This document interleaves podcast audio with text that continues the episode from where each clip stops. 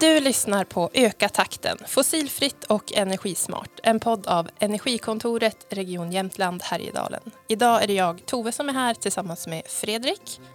Hej på dig. Ja men hej hej. Ehm, I dagarna kom det ju ännu en rapport, eller det rapporterades i alla fall om nya varningar från FNs eh, klimatpanel ehm, om att eh, vi inte kommer nå det här 1,5 graders målet till 2030. Eh, utan istället så ser vi att eh, utsläppen ökar istället för minskar. Ja, och vi, vi pratar ju väldigt ofta i den här podden och liksom i vårt arbete mycket om olika lösningar och sätt att minska eh, klimatpåverkan. Ofta kopplat till utsläppen av växthusgaser. Och vi jobbar ju mycket med transportsektorn men också liksom andra, både elanvändningen och eh, produktionen. Ja, och vi pratar ju också mycket om att det är bra för plånboken att ställa om, eh, vilket det också är. Och eh, det finns alla möjligheter att fortsätta på det spåret och inte minst med stöd och hjälp från vårat håll. Eh, men vi ska idag ta och påminnas lite om varför vi står där vi står och pratar om de här frågorna. Ehm, vi tänkte gå lite tillbaka till grunden av problemet eh, och prata just om eh, klimatet och eh, klimatförändringarna. Vad det är som som händer och varför. Och eh, till vår hjälp har vi Andreas Andersson som eh, jobbar på Mittuniversitetet. Välkommen hit. Tackar. Eh, vad är det du eh, forskar inom och jobbar med? Anders? Jag forskar, kan man säga, det har varierat lite genom åren, men jag är klimatforskare och forskar på havens roll för den globala kolcykeln och har tidigare jobbat ganska mycket uppe i Arktis men även i Östersjön. Eh, sen under senaste åren, sen jag kom till Mittuniversitetet så har jag fokuserat mer på eh, vattendragens och sjöarnas roll. Just det, det låter ju som att du är helt rätt person att ha med i det här avsnittet så att jag och Tove slipper på, svara på alla de här kluriga frågorna själva som vi ändå har radat upp här. Ehm, jag tänker att eh, klimatet är Ehm, förändras ju över tid. Och exempel på det är ju liksom att vi tidigare har haft istider. Så. Men hur vet vi att det faktiskt har varit istider? Hur vi vet att det har varit istider? Ja, men det har man ju kunnat sett genom olika typer av mätningar där man har mätt syreisotoper, man har tittat på strukturer i is. Ehm, och det här har man ju kunnat koppla då till förändringar till exempel i jordaxelns lutning och eh, även eh, jordens omloppsbana då, runt mm. solen. Mm. Så det är liksom via olika mätinstrument så kan man ändå se liksom att temperaturen har förändrats och klimatet har liksom ja, förändrats. det kan man göra. Vi kanske också ska börja bara med att förtydliga så här, vad är skillnaden mellan väder och klimat? Eh, för det kan ju blandas ihop lite ibland. Har du någon, någon bra förklaring på det? Ja, den korta förklaringen är väl att man ser på klimat som ett medelvärde av vädret under en lång tid. Och en lång tid som vi definierar som lång tid är minst 30 år. Och det är den kortaste perioden man har valt. Så allting kortare än 30 år ser man då som väder eller någonting. Just det, så vädret är mer än bara titta ut genom fönstret? Och liksom vädret är mer än bara mm. titta ut genom fönstret och en kall vinter ser vi också som väder och inte klimat. Två kalla vintrar, samma sak. Mm. Just det. Ja. Men över en, över en längre tidsperiod så börjar man prata om klimat. Mm. Du var ju inne lite grann på redan där du nämnde jordaxelns lutning och sådär. Men liksom, vilka faktorer är det som påverkar vårt klimat?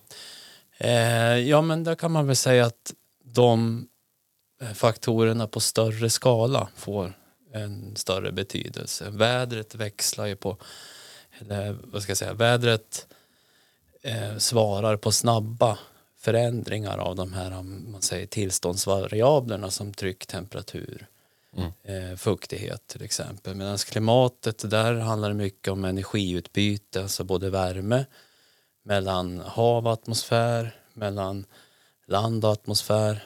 Men där kommer också växthusgasernas betydelse in. Mm. Så du nämnde växthusgaser, vi har jordaxelns lutning som också väl förändras över eh, lite grann över tid, men då är det väl inte, läng det är inte perioder på 30 år utan perioder på lite längre tid. Ja, 41 000 år tror jag. Ja, just det. Så det är väldigt Jag ställer mig långsamt. på prov. Ja, I det långa tidsperspektivet. Ja. Men sen så, många pratar ju också om som solen. Mm. Att den också kan påverka klimatet på jorden, eller? Ja, men den påverkan ska jag säga är relativt liten om vi menar solstormar. i alla fall. Ja. Så där har vi ju andra faktorer i liksom strålningsbalansen på jorden som har en klart större betydelse. Till exempel förändring i albedo, eh, alltså reflektionsgraden på Mm. inkommande strålning har, ju- får stor betydelse för hur mycket eh, eh, ja, upptaget är av, av kortvågig solstrål. Jag tänker, vi kommer att prata mer om de effekterna lite senare, så att jag tänker att vi lämnar, för de är ju väldigt eh, spännande också.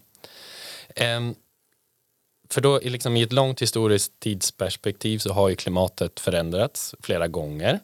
Eh, och jorden har ju gått igenom flera istider som vi också varit inne på.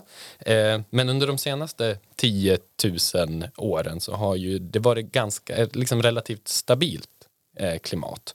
Ehm, och i, just den här tidsperioden så har ju också människan som art frodats väldigt. Liksom, det är under den tid, tidsperioden som våra civilisationer ändå har lyckats bygg, byggas upp. Ehm, och eh, då tänkte jag lite grann, vad, vad är det som händer nu kopplat till liksom den här stabila tid, liksom klimatperioden som är varit inne, många kallar den till exempel holocenen. Då. Ja, ehm, beror på lite vad du är ute efter. Men, men det vi ser det är ju att temperaturen stiger snabbt. Vi har vänt en nedåtgående trend. För du nämner 10 000 år sedan och för 10 000 år sedan hade vi också en värmeperiod av naturliga skäl. Sen dess så har vi gått, haft en nedåtgående trend vad det gäller temperaturen.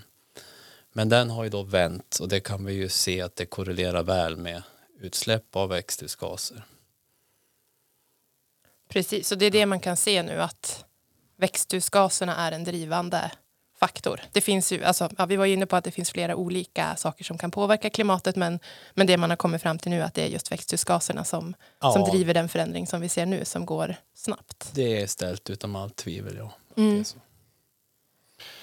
Ehm, om vi då eh, pratar om, ja, om växthusgaser och då är det liksom den drivande kraften som nu styr liksom, eh, de här klimatförändringarna och att egentligen så skulle vi vara på väg kanske mot en kallare period men vi är på väg mot en varmare period liksom, om man ser den naturliga. Liksom. Men vart tar liksom våra, de växthusgaser som vi släpper ut, vart, vart tar de vägen någonstans? Ja, där ser vi att ja, dels så får vi en högre koncentration i luften och det är det vi ser med att koncentrationen nu är uppe på 420 ppm från att lägga under 300 under en lång, längre tid. Mm. Sen vet vi också att haven tar upp en stor del. Ehm, 25-30 procent säger man och det kan vi se genom att vi ser att pH, alltså surhetsgraden, så att säga, haven blir surare och surare och det är därför att haven tar upp koldioxid och så omvandlas det till kolsyror som sänker pH på världshaven. Och det, det, det kan man mäta. Så, att, ehm, så det ser vi. Och vi ser ju också hur ehm, haven blir varmare.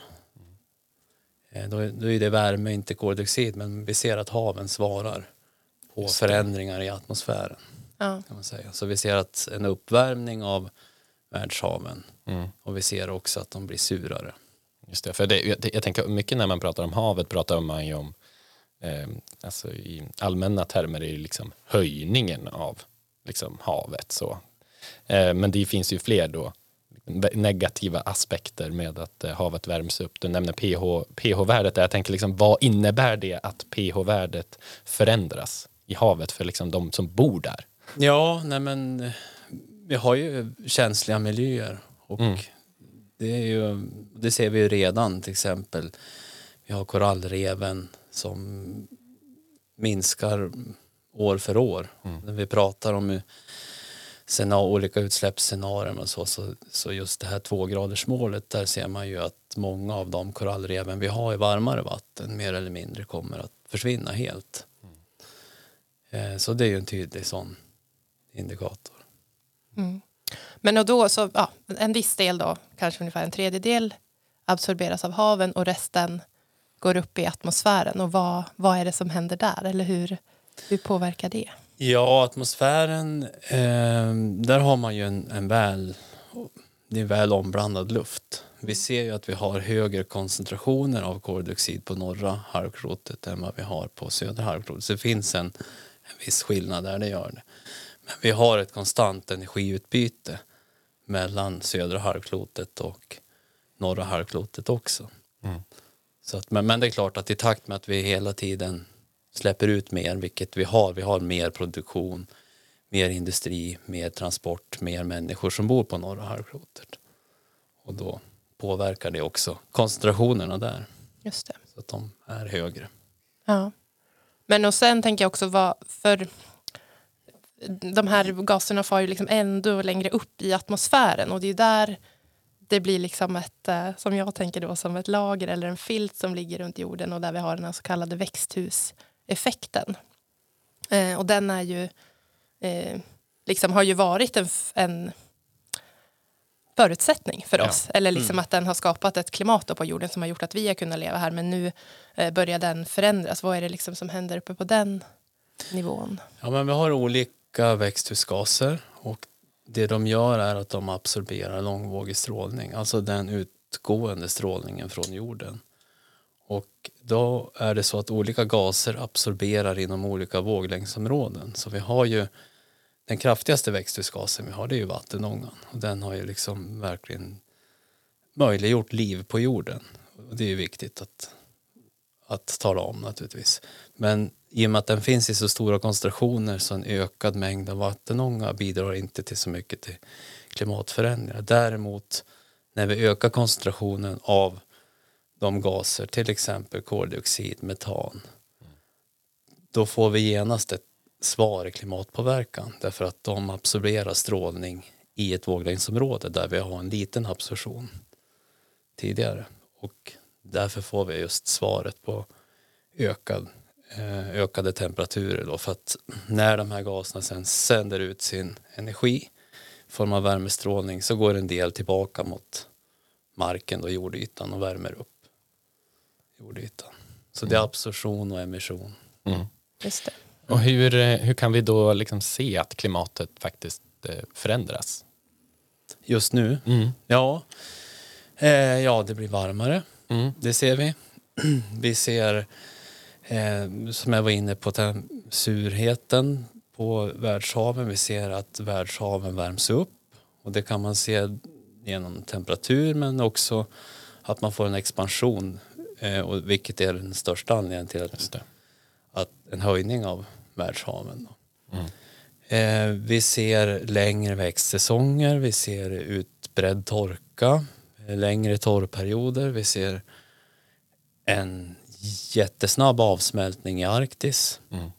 Eh, det går oerhört fort och det är också en av anledningarna till den här senaste eh, klimatrapporten då, eller uppdaterad. Man ser att vi ungefär 13 procent per årtionde minskar isen i Arktis, vilket är jättesnabbt. Mm. Finns det liksom någon relation där? Kan man liksom, vad, vad, vid, vid tidigare värmeperioder, alltså hur lång tid har det tagit då för minskning på 13 procent? Ja, vi har nog aldrig upplevt en sån snabb Mm. temperaturökning som vi, inte under människans tid. Det, det kan vi ju säga säkert. Mm. Just det. Just det. Ehm, men om vi ska prata lite då om eh, jordens medeltemperatur, för det är ju det man ofta relaterar till då, både när man pratar om mål, till exempel, vi har ju Parisavtalet som är en internationell överenskommelse eh, för att vi ska hålla nere temperaturökningen till under två grader, eller ja, helst eh, en och en halv grad. Eh, vad betyder egentligen två graders skillnad i medeltemperaturen? Den betyder eh, väldigt mycket och tvågradersmålet är ju någonting som vi verkligen bör eftersträva att nå. En och en halv gradersmålet eh, blir mycket svårt att nå. Mm. Det kräver väl en, om jag minns siffrorna rätt, att vi reducerar koldioxidekvivalenter som man pratar om med 40-50 procent fram till 2030. Och vi är inte ens i närheten av att se någon form av stagnation. Snarare ser vi att utsläppen ökar för varje år så att det är väl inte en realistisk målbild, eh, tyvärr.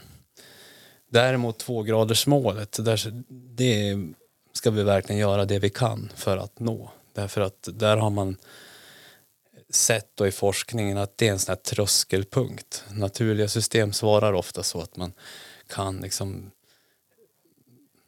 ja, ha en påtryckning under en längre tid men sen så småningom så går det över, går över en tröskelpunkt och så för man in det i en ny regim. Och det är det vi ser i klimatet eh, där. Att vi får ett annat svar, vi får vissa irreversibla processer som man säger, vi kan helt enkelt inte. Går vi över två grader så kan vi inte bromsa avsmältningen av glaciärer, inlandsis. Vi har också uppvärmning av tundran som i sin tur förstärker genom att vi har metan bundet i myrar som kommer upp mm. och eh, det är en sån här återkopplingsmekanism som man säger. Det vill säga att eh, i ett varmare klimat så släpper vi ut ja, så värms myrarna upp vilket genererar att metanet då släpps ut vilket ytterligare driver på uppvärmningen. Mm. Så vi är liksom inne i att vi håller på att förändra hela liksom system till någonting som, som vi inte har upplevt riktigt kanske tidigare? Då. Ja, absolut. Ja.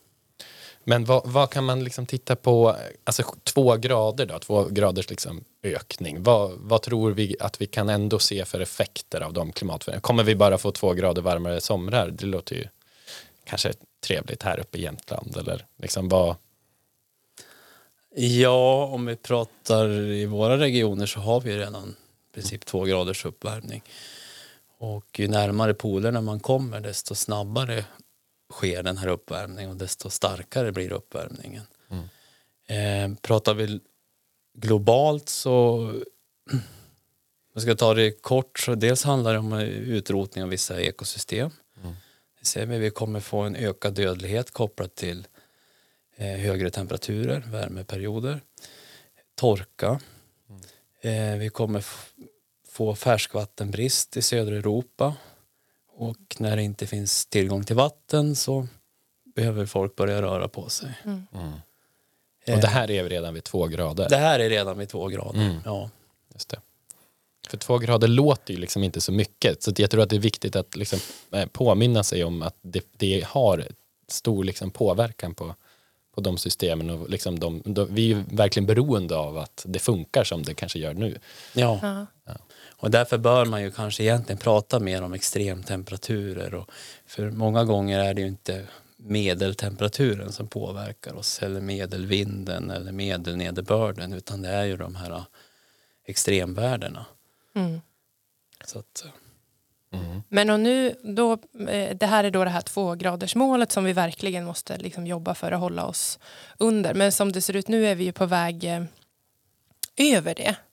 Så kan man säga något om då vart vi är på väg nu? Vad skulle det ge för, för konsekvenser? Eller vad skulle det kunna göra att vi får uppleva? Ja, jag skulle ändå passa mig lite för att uttala mig om vad konsekvenserna blir därför att mm. det vet vi inte riktigt för att vi för in klimatet i vad vi säger, en ny regim mm. där vi får svar som vi inte riktigt vet konsekvenserna av. Det vi vet är att vi kommer få en drastisk förändring av klimatet i takt med att inlandsisar försvinner, eller, eller glaciärer, mm. eh, avsmältning av Arktis, men man ska komma ihåg att när vi smälter av Arktis så byter vi ut, om man säger då, väldigt ljusa ytor som har en stor reflektionsgrad mot hav som är mörkt. Så att då får vi ett ökat upptag också av värme därigenom. Precis. Mm. Det, det är ju liksom väldigt komplexa liksom system och frågeställningar. Jag tänker att det är ju, eh, när, när jag liksom lyssnar på det här så är det inte så märkligt liksom att man inte kan kanske en, liksom en person som inte är insatt i det liksom, greppa att, ja, men hur det hänger ihop och eh, liksom vad som påverkar vad för att det, det är svårt, även vi som jobbar med det här liksom varje dag, nu forskar ju inte jag och Tove liksom, som du gör men vi har ju ändå någon för, men blir ändå liksom påminda om att ja, det är ännu mer som påverkar, alltså haven och ja, allt vi var inne på. För något man annat kan nämna är ju liksom Golfströmmen. Eh, för det kan ju också påverka ju eller liksom en förändring i det systemet och förmågan för oss att bo här. Alltså det kan ju också bli väl så att det blir svårare att bo här, här uppe om den liksom försvinner. Ja, om den avstannar då mm. får vi ju helt plötsligt betydligt kallare. Mm. Så är det. Och det har ju hänt tidigare. Ja. Det har ju utlöst istider tidigare, det, det vet vi ju. Mm. Och vad är det som gör att den eventuellt kan förändras? Ja, den är ju driven av både temperatur och saltskillnader eh, kan man mm. säga. Då. Så att i takt med att vi får en ökad avsmältning i Arktis så kan det i sin tur då, ja det vi gör är att vi blandar ut havet, vi får mer färskvatten i havet. Vilket kan göra att motorn i Golfströmmen så att säga, avstannar om vi förenklar det så. Just det. Det låter ju som att det är liksom, eh, ja, ganska illa och vi hörde ju, ja, men det du Tove inledde hela den här pratan med att vi, vi kanske går mot 2,5, att vi ser att utsläppen minskar inte. Vad, om, vi, om vi ska spekulera lite grann, var, varför händer det inte liksom mer? Varför gör inte länder det de borde? Jag tror att eh, man måste inse att vi sitter fast i ett system som inte är enkelt att förändra på mm. så kort tid. Vi sitter fast i ett system som är starkt beroende av olja. Det vi har byggt hela vår infrastruktur egentligen kring användande av den typen av energiresurser. Och samtidigt som vi ser att andra delar i världen också vill genomgå en eh, utveckling. Mm. mm. Så att det där är en svår ekvation att få ihop. Mm. Ja, det är det ju onekligen.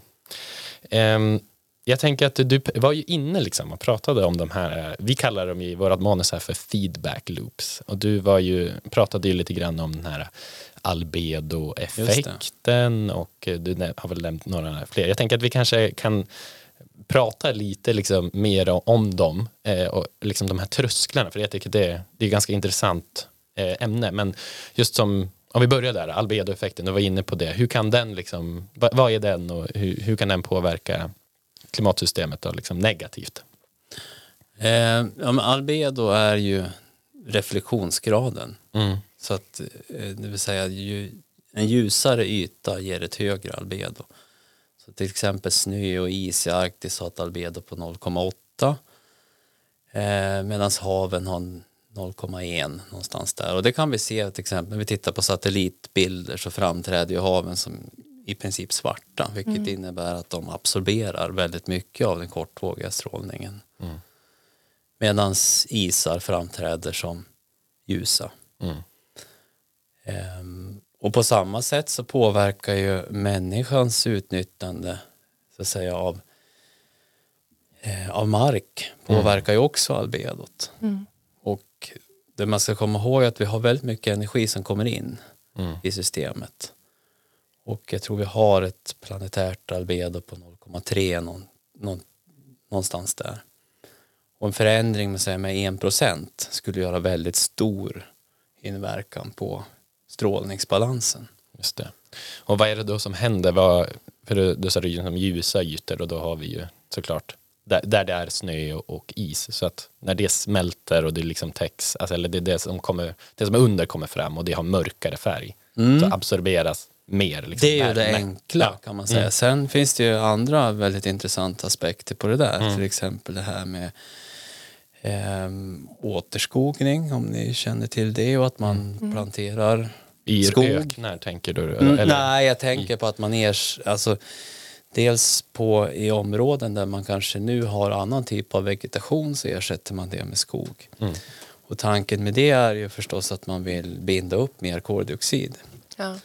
Men där, fin, där har forskningen också visat på att det är inte i alla delar av världen som man får en, en, säga, en negativ inverkan på uppvärmningen. Därför att man kan också vara så att man ersätter ljusa ytor, alltså mm. gräs, mm.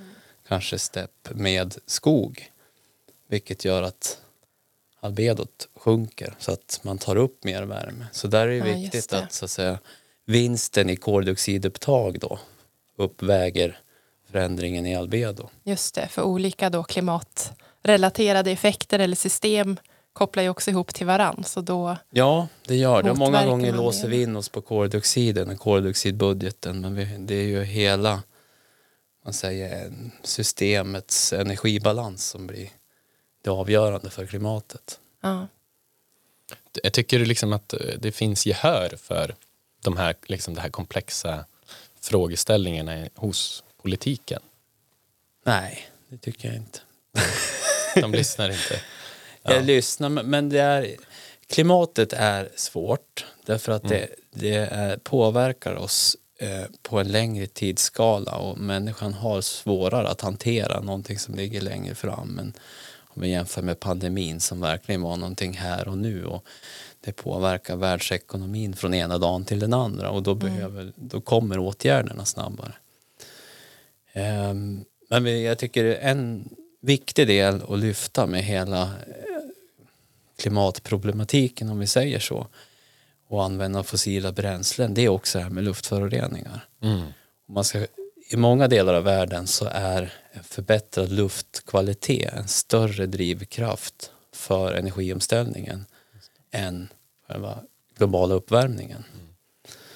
Ja, och Vi har flera miljoner som dör va, årligen till följd av luftföroreningar i världen. Ja. Ja, och jag tänker liksom, egentligen spelar det ingen roll vilken fråga det är. Om det är, så är liksom folkhälsofråga Mm. eller liksom, ja, nu kan ju de hänga ihop då, men, eh, ja, men luftkvalitet eller klimatförändringarna. Men så länge man gör någonting som leder till det bättre så är det väl positivt. Det har ju varit mycket debatt här i Östersund också om de här luftföroreningarna. Eh, och det eh, upplever jag att många har liksom lite svårt att ta, sig till, ta till sig det, liksom, att vi i Östersund skulle ha dålig luft. Ja, Ehm, men det visar ju mätningarna i alla fall.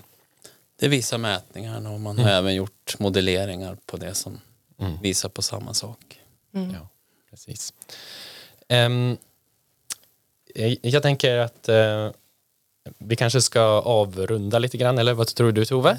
Ja, men precis. Vi tänkte ju ändå säga något om att ehm, eh, det, det här är ju ganska nedslående, ett ganska liksom, tungt ämne att prata om, men att eh, ändå någonstans så är det ju vi människor som har, som har skapat den här eh, förändringen som vi är på väg mot nu och det är ju både otäckt men också betyder ju att vi har väldigt stor påverkan och vad vi gör faktiskt gör skillnad och därför är det ju väldigt viktigt att vi gör någonting nu. För att vi har ju faktiskt eh, möjlighet att eh, bromsa det här och liksom försöka få den här förändringen att bli liksom så lite som möjligt för att eh, ja, egentligen skapa förutsättningar för oss själv som, eh, som art att liksom kunna fortsätta bo på den här eh, planeten. Och det, där, alltså man kommer ju osökt att tänka på då, liksom, om man vänder sig till dig, eh, Andreas, att jag menar, Sverige är ju ett litet land. Våra liksom, nationella avtryck är ju ganska små. Det är ju ofta det man hör i liksom, debatten, att även om Sverige skulle försvinna så skulle det inte märkas någonting. Tycker du liksom att det är ett bra resonemang att föra? Jag tycker det är ett dåligt resonemang att föra. Mm. Eh, vårt avtryck per person är ju inte på något vis försumbart.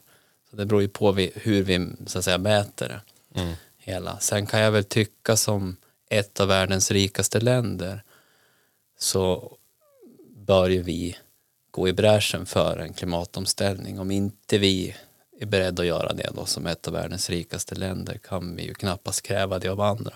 Nej. Nej, jag tycker att det är en väldigt bra grej att faktiskt ta, sig med, ta med sig det. Ehm, för det är väldigt lätt att tänka, inte jag, men då inte grannen och inte liksom eh, grannen på andra sidan ån och inte den på andra sidan havet behöver göra någonting för att det är bara en person. Men vi, vi är ju individer, men tillsammans är vi ju liksom Sen ett finns- kollektiv. Ja, sen finns det ju väldigt mycket som vi faktiskt kan göra på global Mm. nivå. Vi har energieffektivisering av byggnader. Vi har implementering av CCS-teknik. För vissa länder har ju helt enkelt inte tillgång till vattenkraft, kanske inte gynnsamt eller för vindkraft. Eh, och där är ju CCS-tekniken väldigt viktig då, det vill säga koldioxidinfångning. Så att man kan använda traditionella, om man säger, fossila bränslen under en övergångsperiod men att man tillämpar CCS-teknik, koldioxidinfångning och därigenom kan man ju sänka utsläppen betydligt. Mm. Ja, det pratas ju mycket om, om CCS, eh, även nu i, i, i Sverige också. Så länge det liksom inte blir ett sätt för de som faktiskt har förutsättningar att fortsätta, alltså både ha förnybar energi men ändå liksom fortsätta förbränna liksom, eh, fossila bränslen. Då. Det ska ju användas där det verkligen behövs. Det är det. Samtidigt står vi i ett läge idag där vi faktiskt behöver på ett snabbt sätt få ner utsläppen. Mm. Och där kan jag ändå tycka att det kan vara en bra väg att gå som inte är alltför kostsam. Just det. Mm. Ehm, för, när du pratar lite om ja, men vi måste ställa om energisektorn. Finns det, det är ju väldigt stort system, inget, som kanske du och jag gör här och nu, men det, vi kan ju också påverka, eh, eller hur Tove? Vi, Ja men precis, det är väl bra att börja kanske och våga liksom prata om de här frågorna även om det känns eh, jobbigt att fundera lite på vad kan jag göra och lyfta frågan kanske både med vänner och kollegor och vad, vad kan vi göra tillsammans eller vad kan vi göra enskilt och dela med sig av eh, exempel och goda idéer som, eh, som man har. Det finns ju en sån här eh, klassisk eh, liten eh, ramsa där man kan börja och eh, se över och då handlar det om bostaden, bilen, biffen, börsen och butiken. Alltså hur vi bor, hur vi konsumerar, vad vi äter, hur vi transporterar oss men också hur vi eh, förvaltar våra pengar. Eh, för allt det här har ju en, en påverkan. mm. Och jag tänker att om man vill liksom ha råd och tips kring hur man kan göra det, kanske inte alla de här benen som du nämnde, men i alla fall många av dem så kan man prata med oss på Energikontoret. För att Ja. vi finns där och kan liksom guida och, eh, och hjälpa er. Men eh, An- Andreas, vad, vad är ditt bästa tips för de som vill lära sig mer om klimatförändringen och hur det påverkar oss? Det är väl att hålla sig uppdaterad i frågan. Ehm, och jag vill gärna propsa för de rapporter som IPCC släpper med jämna mellanrum. Även om man kanske inte orkar läsa hela rapporter så finns det summeringar och sammanställningar av de viktigaste budskapen. Det är ändå eh, där vi hittar politiskt oberoende och vetenskaplig konsensus. Så det är inte så att det är enskilda forskare utan det är en sammanställning av kunskapsläget. Jag ska säga, det är den bästa och mest objektiva bedömningen vi har vad det gäller klimatet. Har- Har du någon siffra där på hur, många, hur, hur, hur stor andel av forskarna är överens liksom, om att det är vi som påverkar klimatet, människan? 97 procent. Mm, det, är, det är ganska överväldigande. IPCC är ju en förkortning, Andreas. Men eh, liksom, vad, vad betyder den? Vad är det för något? FNs klimatpanel. Just det, kort och gott. Så det ska man googla på om man vill eh, hitta rapporten. Det tycker jag. Tack så jättemycket för eh, att du kom hit till Andreas idag och svarade på våra kluriga frågor. Tack så mycket för att jag fick komma. Det var allt vi hann med. Det var det. Eh, Och eh, det här avsnittet är framtaget av den kommunala energi och klimatrådgivningen som finansieras av Energimyndigheten. Och eh, om du vill komma i kontakt med oss på Energikontoret så kan du mejla oss på energikontoret regionjh.se. Yes. Nästa avsnitt vet vi inte än. Jag tror att det kommer handla om laddbara fordon. Kanske om eh, hur mycket kostar det egentligen att köra laddbart. Vi, vi siktar på det. Och om du inte kan vänta på nästa avsnitt så finns det ju en hel uppsjö av tidigare avsnitt som du kan gå in och eh, lyssna på så länge. Det blir bra. Hej då.